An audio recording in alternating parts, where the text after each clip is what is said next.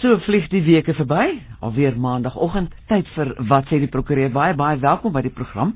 En ek leer weekliks by Ignou en die gaste wat ons hier gebruik. En ek is seker jy stem saam met my. 'n mens leer net elke keer al hoe meer van die reg.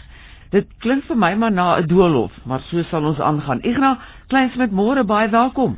Goeiemôre Amanda. Goeiemôre luisteraars. Ja baie dankie dat jy weer bereid is 'n bietjie tyd op te offer om saam met ons te kuier en te luister na sake van uh, die reg. En u is baie welkom om vir ons laat weet as daar iets spesifieks is wat u graag wil hê ons moet bespreek.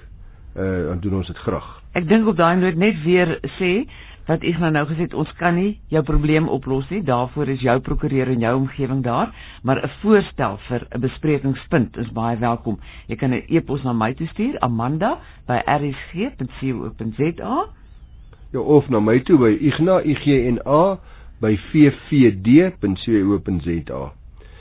Maar die eerste aspek wat ek vandag wil hanteer is die wenslikheid daarvan altyd om appel aan te teken of mense nie risiko's loop dat jy dalk slegter daarvan kan afkom as jy appel aanteken wat jou vonnis betref nie.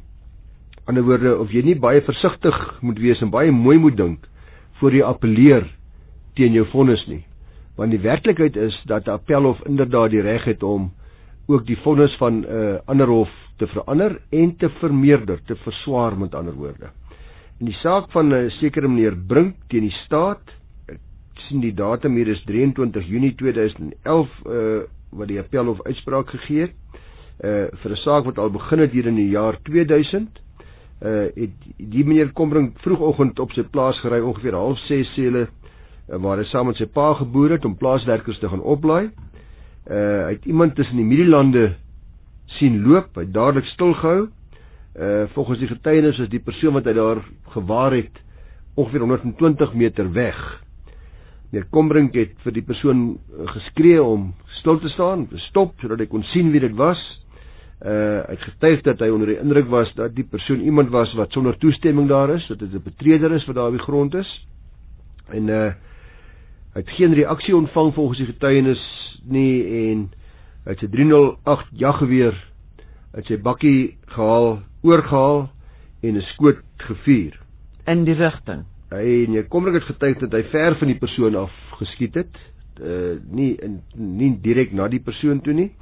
Uh maar daar was meneer Masilela wat ook in die omtrek was en hy het getuig dat hy duidelik gesien het hoe die stof vries net langs hierdie persoon baie naby aan die persoon opskiet.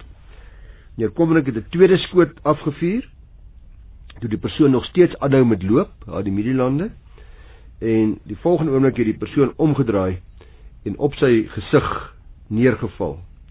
Uh dis toe met die omdraaislag wat meneer Kommerik toe ook agtergekom het dat dit nie 'n vreemde betreder is nie maar 'n werknemer van hulle op die plaas werk. Uh en die werknemer het natuurlik toe gesterf. En toe sy nagmerrie begin. Absoluut so. Meneer Komring is daarna plaashuis toe, het vir sy pa gaan vertel wat gebeur het. Hulle het die komando geskakel. Bevelvoerder eh uh, gesê wat gebeur het dat hulle 'n persoon wat daar was geskiet het. Eh uh, maar meneer Komring is toe om 'n lang storie kort te maak van moord aangekla. Meneer Komring Junior nou. Hy het onskuldig gepleit en daar is natuurlik geargumenteer deur omdat hy nie opsetlik hierdie werknemer doodgeskiet nie met die opset om hom te dood uh doodgeskiet het nie.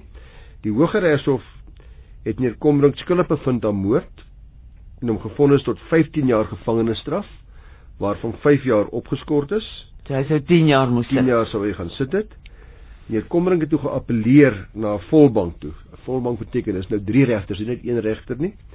Uh maar meneer Kombrink is steeds skuldig bevind maar die 15 jaar is verminder na 'n uh, direkte 10 jaar gevangenisstraf.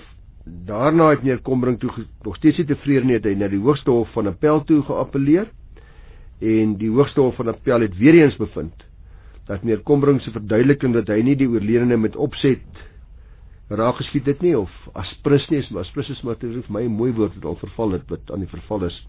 Aspris raak geskiet het nie.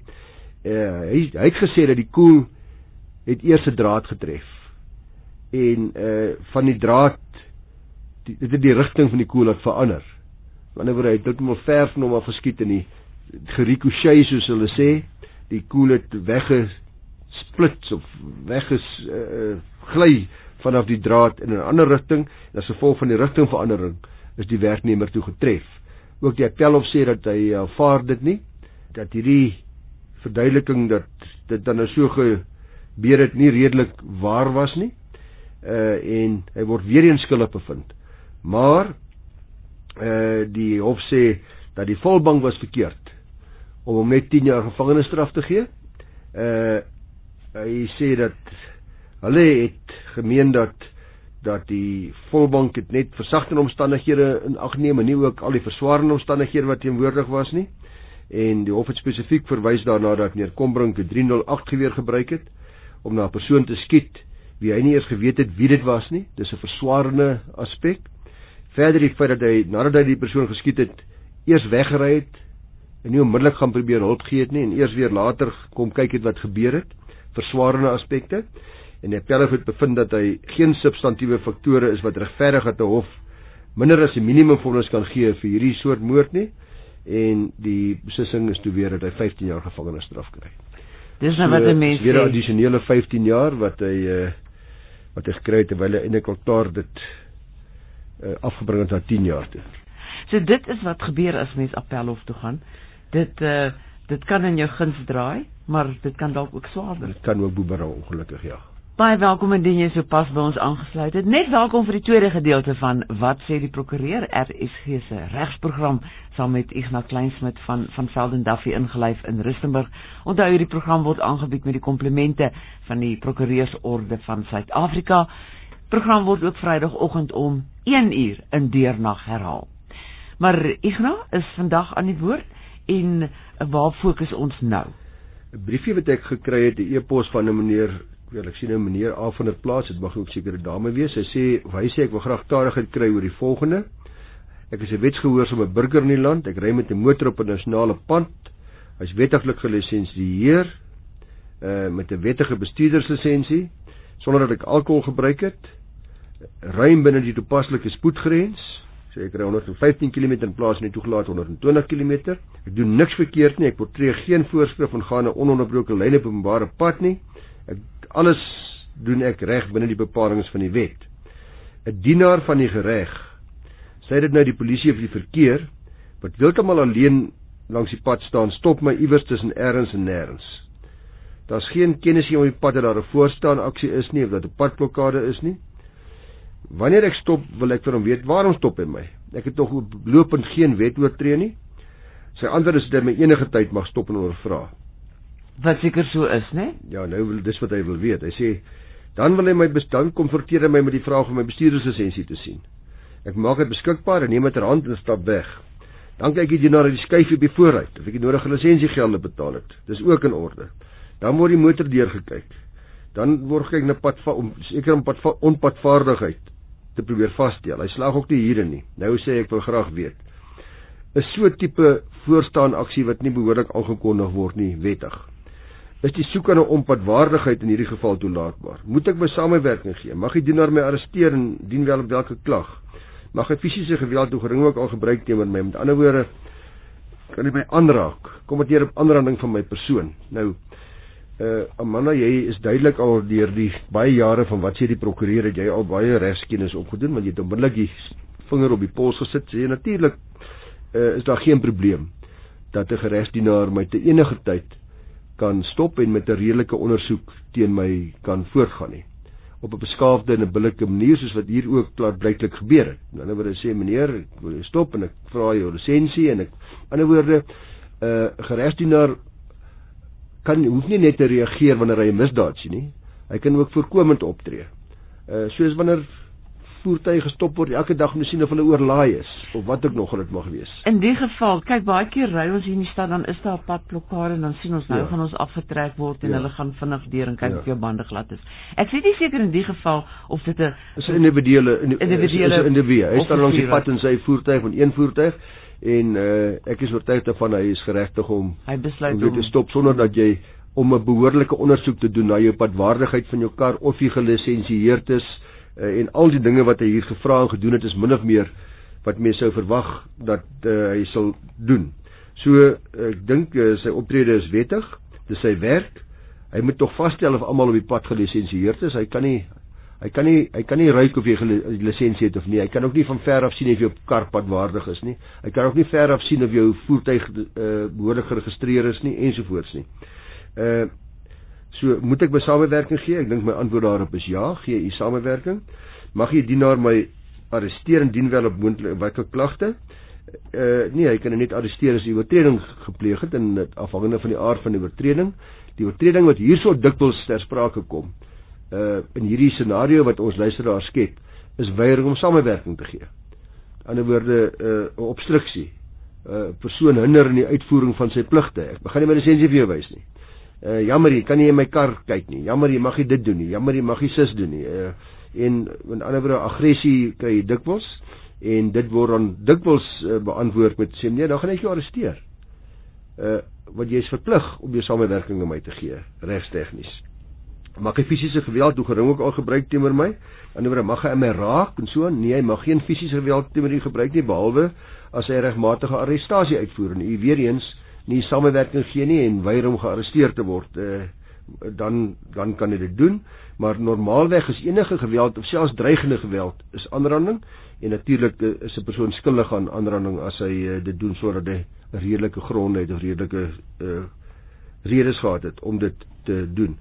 Uh, meneer van der Plaas vra 'n uh, klompie ander goeters ook oor die skietwette ensovoorts, maar ek het dit reeds by vorige geleentheid toe ons 'n strafregkenner gehad het volledige antwoord. Uh, so ek gaan nie nou daarmee handel nie. Maar ek wil nou net eers teruggaan na hierdie saak toe wat jy nou sopas afhandel. Jy sien wat nou deesdae gebeur. Ons almal is nou so skrikkerig vir enige 'n uh, enkel polisieman wat my hier langs die pad stop. Ek gaan twee maal dink voor ek stop. Dit is ongelukkig so en jy kry deesdae uh, heel dikwels mense wat dan sê dat uh, ek sal ek verduie vir die polisieman ek, ek gaan jou die polisiestasie kry ja. Rij, ja. Uh en dit skep ook baie probleme want dikwels is die polisie dan redelike hulle hulle beskou dit as 'n as 'n wegjaag of hulle hulle hmm. ervaar dit so hmm. en dan is dit nou moeilik om 'n objektiewe oordeel te vel. Is die persoon nou besig om te vlug? Want hoe kan jy nou uit 'n ander kar bewegende kar iemand anders in 'n ander kar verduidelik waarmee jy nou besig is? Waarna toe jy op pad is? uh, en daar's al hoe meer en meer mense wat uh, wat in hierdie saak nogal swaar kry. Uh omdat daar dan arrestasies plaasvind en dan word die polisie beskuldig van onregmatige arrest. Ek dink daar's baie misverstande wat as gevolg hiervan. Ja, maar jy weet, ek meen uh, ek gaan met alle respek, daar's gereeld berigte in die in die koerante oor wat die polisie self uh, groot kop in die polisie wat self sê maar die korrupsie het so toegeneem, hulle sal iets drasties moet doen. Dis so ja. Hulle gaan optree teenoor die mense. Dis beslis so ja. Nou raak ons bang veral as jy vrou alleen ry, maar ek dink selfs man alleen hoor. Uh, want as jy gaan stop by 'n ou wat 'n uniform aan het, hy is nie 'n polisieman nie. Uh, kan hy vir jou aanrand of jy man of vrou is? Ja, dit is baie moeilik, is, is baie baie moeilik. Is so. 'n Padblokkade is my makliker, dan weet ek jy stop al die karre en 'n mens moet stop. Ja, ons moet dan ook toegee dis die is die hoogste uitsonderingsgeval waar die polisie man nie 'n werklike polisieman is nie. Bedoel, die kar sal gewoonlik behoorlik gemerk wees, jy weet, jy kan sien as 'n verkeersmotor, jy kan sien as 'n polisiemotor. Die mense staan op uh, langs die pad duidelik en oop en bloot vir almal. Daai situasie is maklik. Die een wat jy beskryf is moeiliker. Hmm. Laat in die nag in die donker, hmm. vrou alleen, iemand wil my aftrek en sê ek moet stop en hy dit lyk nie soos 'n polisievoertuig nie. Uh al daar's 'n blou lig maar verder niks nie. Hy's hy's nie gemerk nie. Die persoon het nie polisie uniform aan nie. Uh ek sê vir die mense dan ry jy tot by die naaste polisiestasie. Ja. En dan moet ons maar die saak daar uit ja. uh, uitgesels. Dan skryf gerus nader. Stel die radio harder of as jy via die internet luister, stel die volume knoppie hoër en uh, luister na wat sê die prokureur saam met Ignas Kleinsmid en ek is Amanda Olivier. Dankie Amanda, ons gaan 'n bietjie gesels oor rentekoers uitbuiting. Uh wat vir baie mense steendes aanstoots is. Aan die ander woorde, ek leen geld die uitlener vra buitensporige rente en is hierdie ooreenkoms geldig. Dit het onlangs uh onder die aandag van die Hof van Appel gekom, die Hoogste Hof van Appel in die saak van African Dawn Property Finance 2 Pty Limited, uh Dreams Travels and Tours in another. Nou in hierdie saak moes die Hoogste Hof van Appel beslis oor die geldigheid van 'n leningsooreenkoms wat hier in 'n paar jaar terug aangegaan is wat tot stand gekom het tussen die partye nadat die Hooggeregshof bevind het dat die lening nie geldig en afdwingbaar is nie. So die Hooggeregshof het hier bevind dat die uitlener kan nie hierdie lening afdwing nie en natuurlik het die uitlener nou appel aangeteken. Nou die agtergrond was dat die lener gedurende 2008 verskeie banke genader het om 5 miljoen rand vanaf hulle te leen. Al die banke het dit afgekeur. Die leerder het in die hof gesê dat die banke hierdie lening nie wou goedkeur nie as gevolg van die swak ekonomiese omstandighede van daardie tyd. Uh en ons het daai tyd gepraat onthou 2008 van die credit uh crash wat 'n redelike almal was redelik paniekerig geweest op daai stadium en banke was baie baie versigtig geweest want uh daar was 'n redelike groot stygings ook in slegte skulde.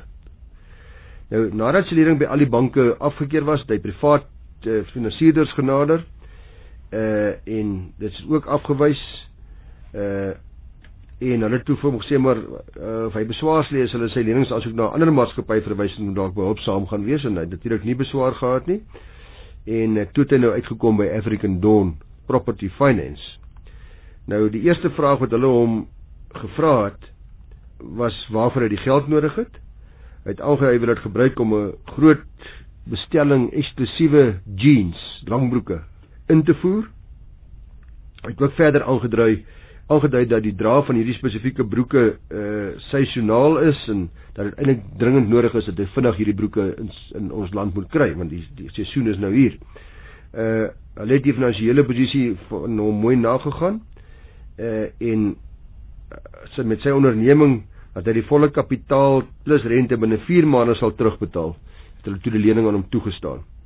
Die terme van die lening luisteraars het behels dat hy die dat hy 5% per maand sou terugbetaal tot en met die verstryking van die 4 maande leningsperiode waarna die laaste maand se rente dan tesame met die volle kapitaal wat dan ongeveer 5,3 miljoen rand wat beloop het uh, betaalbaar sou wees. Indien hy egter dan hierdie betalings nie stiptelik nakom nie, met ander woorde hy kom nie hierdie betalings mooi na na die 4 maande nie, uh, dan was daar 'n strafbepalende klousule in die kontrak wat voorsiening gemaak het dat hy dan 6.5% rente sou betaal op al die agterstallige betalings per maand. Nou kan u dink daar's ook 'n klousule in die kontrak wat sê dat die lener het regsadvies ingewin en dat hy ingeligte besluit gemaak het ensovoorts. Uh die lener het ook drie eiendomme aangebied te sekuriteit. Twee behoort aan sy familietrust waar hy borg gestaan het vir die lening en uh en een het aan hom persoonlik behoort wat ook sê dat huis was waarin hy gewoon het, 'n residensiële woning.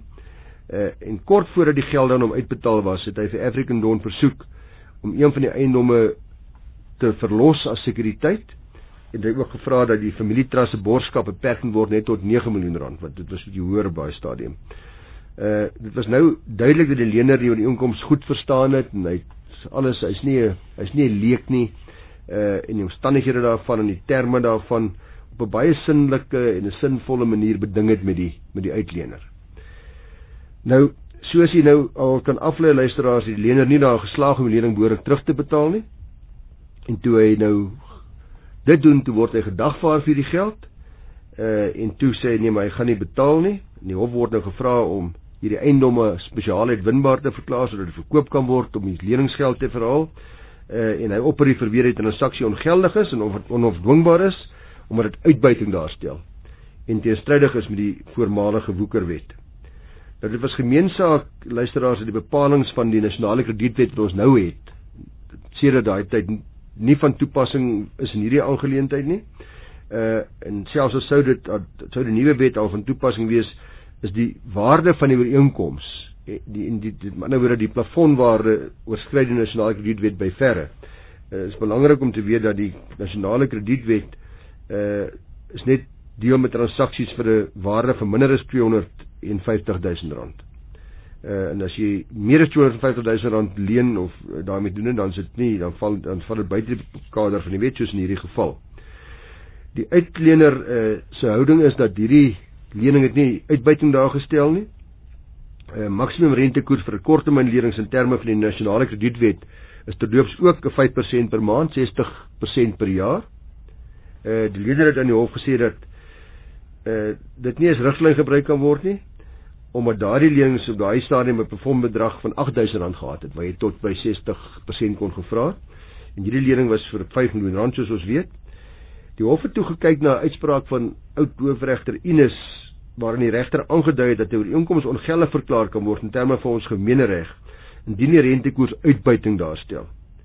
En teen die hele gees van die woekerwet is die regter het in daai ou uitspraak aangedui dat daar nie 'n vaste rentekoers as 'n maksimum bepaal moet word nie, want elke transaksie moet op sy eie meriete beoordeel word, die omstandighede ensovoorts. En die appel het gekyk toe na al die omstandighede en bevind toe dat die rentekoers wat deur die uitlener hierin beding is, die 5% wat later 6,5% sou word, nie uitbuiting daarstel nie, dat dit afdwingbaar is met ander woorde, dat die lener dit moet betaal grond van die volgende faktore. Hulle sê dat eerstens dat die lener was verleë gewees. Hy het die uitlener genader toe hy nie ander finansiering kon kry nie. Tweedens die uitlener die rentekoers en al die terme van die ooreenkoms ten volle aan hom geopenbaar. Daar's niks weggesteek nie. Dis nie dat daar geheime goederes in die kontrak was nie. Hy het geweet presies wat hy teken. Derdens dat die lener 'n relatief welvarende besigheidsidentiteit was Eh, en dit nie 'n ongeletterde of oningeligte individu was nie. In 'n ander woord is nie 'n leek nie. Hy werk met 'n besigheidsman en hy werk al hy werk met groot geld. Hy ken syfers. Ken syfers. Verder vierdens dat die lening vir 'n spesifieke doel was, om 'n nuwe besigheidsgeleentheid te vestig wat op die kort termyn dringend was ensovoorts. Die hof sê daar's geen getuienis om te wys dat rente van 5% per maand in hierdie geval uh onbillik is nie en uh dat daar nie ander hofsprake of uitsprake is sê die hof in terme van transaksies met dieselfde aard wat riglyne kan bied vir wat aanvaarbare maksimum koers is en daar's nie 'n 5% per maand of 'n 10% nie met my elke geval op sy eie kyk en die hof sê ek is glad nie oortuig deur die lener dat daardie omstandighede van so aard was dat die transaksie nie in die normale loop van besigheid plaasgevind het nie. So die Hooggeregshof se beslissing word verwerp en 'n bevel word uh, verleen aan African Dawn Properties dat hulle die oorblywende twee onroerende eiendom ook kom verkoop ter behaling van hulle geld en rente. Baie dankie Ignas. Hierdie is soos ek sê mense leer net eenvoudig uit hierdie hofsaake uit en uh, ek dink kan nogal 'n lekker stokperdjie wees as mens die tyd het om ou hofsaake op te diep en dit na te lees. Mens gaan baie leer. Ja, ek dink uh, in die moderne hofsaake man dan lees ook baie makliker as jare terug. Asof die nuwer geslag regters, maar ook van ons ouer bekwame regters 'n uh, baie moderne uitspraakstyl ontwikkel het wat uh, die die lees van hofsaake nogal lekker maak. Uh ek wil 'n bietjie praat oor borgskappe want ons oupa grootjies, ons oupas, ons paas, baie ander wyse mense altyd gewaarsku teen die teken van borg vir iemand anderste. Dit gebeur veral dikwels dat ouers borg teken vir hulle kinders met redelike dramatiese en traumatiese gevolge indien die kinders nie hulle verpligtinge nakom nie natuurlik. Wat ouerliefde dit dikwels nie voorskryf die realiteite van die lewe of deur goeie advies nie. Ouer stamp sy kop oor en oor. Ek kan net weer eens beklemtoon dat as die kinders regtig vir u omgee, dan behoort hulle nie vrymoedigheid te hê om u te versoek om as borg vir hulle op te tree nie. Ek dink 'n goeie kind behoort dit nie te doen nie, maar nou ja. Uh kinders moet maar mysinsiens geleer word dat hulle aan dieselfde finansiële dissiplines blootgestel is as ander mense. Die feit dat pa maar iets kan bekostig beteken dit moet nie makliker word nie. Dit beteken dat hulle slegs goedere kan aankoop indien hulle finansiëel kredietwaardig is en daarvoor kwalifiseer. Sodra borge vereis word luisteraars vir enigiets, dan moet die rooi ligte reeds flikker. Aangesien eh uh, die kredietverskaffer dan waarskynlik ook londryk en nie gelukkig is met die sekuriteite nie of met die besigheidjie nie wat ek nog al die storie is nie. Ja, dit beteken jy kan al jou geld verloor. Ja, presies, want die, dis waarom die beste advies is om nooit borg te teken nie. Behalwe natuurlik is dit noodsaaklik is vir jou eie finansiële oorlewing en die meeste besighede sal in elk geval op ander dat u as u 'n regspersoon handel dryf dat u is persoonlik moet verbind teenoor die teenoor die persoon uh, met wie u besigheid doen. Maar anders is dit baie mense u wys maak. Is dit ook nie so maklik om uit 'n borsdrand te ontsnap nie. Selfs uh, soms in die geval waar ek weet dat dit nie aanspreeklik is nie, want ek nie geweet het wat ek teken nie. Uh of dat dit 'n borstelling is nie. 'n Goeie voorbeeld is die saak van Slipknot Investments, 777 Eiendoms Beperk versus die twee onlangse hofsaak 2011, die einde van 2011, wat in die appelhof gerapporteer was. In die geval het meneer De Tooy erken dat hy die borstelling geteken het, maar hy ontken aanspreeklikheid want hy sê dat hy dit per abuis geteken het sonder 'n bedoeling om kontraktuele aanspreeklikheid op te doen. Dit blyk die getuienis wat aanvaar is dat De Tooy se neef hom op 'n sekere dag gebel het en versoek het om 'n sekere dokument dringend te onderteken. De Tooy was 'n trustee van 'n trust saam met sy broer en hierdie neef. Nou die trust het 6 miljoen rand geleen by Slipknot Investments. En al die trustees moes borgstellings te gunste van die skuldeiser onderteken.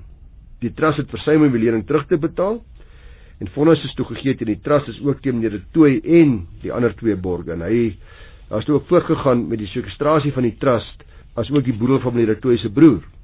Maar hierdie meneer Tooi het nou 'n bietjie vasgeskop toe hy daarvan uitvind, bring hy aansoek by die hof om die vonnis te syde te laat stel. Dit word teëgestaan. Dit word na appel toegeneem uh, nadat dit toegestaan is. Uh Slipknot sê hy kon uh, dit neer toe kan nie ontsnap van hierdie borgakte nie, hy is wel gebonde. Al het hy nie besef wat hy geteken het nie. Nou die storie was dat die dag toe hy gevra is deur sy neef om hierdie dokumente te teken, was daar 'n bundel van 75 bladsye. Allerlei ander dokumente, die leningsooreenkomste, allerlei ander goeders. Dit was duidelik uit die getuienis ook dat hy hierdie dokumente geteken het sonder om dit te lees. Daar was getuienis daaroor. Sonder dat hy bewus was daarvan dat dit wat daarin staan. Sy getuienis was dat hy gesê het hy het nie nou die tyd om al die dokumente te lees nie. Hy was besig, hy was daar op sy plaas en die hof het ook aanvaar dat hy nie besef het dat hy persoonlik geraak word deur sommige van die dokumente wat hy teken nie. Hy het nog geteken alles met net namens die trust en dat daar nie 'n persoonlike borgstelling by is nie. Die hof sê dat die skuldeiser was egter geregtig. Dis nou die persoon wat die uitlener was om die rektorie se handtekeninge op uh, te aanvaar om daarop staat te maak, net soos wat hulle geregtig is om sy handtekeninge as trustee te aanvaar en daarop staat te maak. Uh, die hof aanvaar dat daar moontlike misleiding was deur die neef en meneer Rektorie se broer dat hulle nie spesifiek vir hom gesê het, "Jong, Besoop beteken ook 'n borgstelling nie. Dit aanvaar hulle. Maar die appel op bevind daar geen misleiding was deur die skuldeiser self nie. Onthou die skuldeiser sê nie, hy kom nie na dit toe toe sê teken nie, meneer. Ek gee nie vir jou klomp dokumente nie. Hy gee dit vir die ander twee trustees nie. Ander twee trustees, sy broer en sy neef, hulle sê teken hierdie goeders. So die hof sê daar's geen misleiding deur die skuldeiser nie. Dis belangrik in hierdie saak om te verstaan. Uh dis nie hulle wat versoek het dat die dokument teken sonder om dit te lees nie. Hulle kan nie benadeel word dus deur die feit dat hy nou beweer dat hy nie geweet het wat hy teken nie. Sou anders wees as hulle 'n misleiding gedoen het of 'n wanvoorstelling gemaak het. En Here Tooi mag wel 'n eis hê teen sy neef wat nie daar patent gemaak het. Dit sê die hof, maar tussen moet Here Tooi maar ongelukkig hierdie skuldeiser betaal en dan kan hy nou weer sy neef gaan aanspreek wat hom onder die wanindruk gebring het of hom nie vertel het dat hy 'n borgstelling teken nie. Uh hier is weer 'n goeie voorbeeld luisteraars van hoe versigtig ons moet wees wanneer ons dokumente teken en maar altyd moet 100% seker maak van presies wat ons teken. Selfs waar familielede ons handtekening versoek, moet ons maar gaan kyk wat presies dit vir ons teken. Miskien moet ons dan selfs meer versigtig wees. Hmm. En dokumente baie deeglik deurlees. Baie baie dankie Ignas. Jy moet uh, veilig ry terug en dan maak ons weer so volgende week. Baie dankie Amanda en 'n goeie dag vir julle almal. Onthou die program word Vrydagoggend om 1uur in deurnag herhaal en jy kan ook uh, via potgooi weer na die program luister by www.rsc.co.za. Geniet jou dag in die geselskap van RSG. Ek is Amanda Olivier wat groet.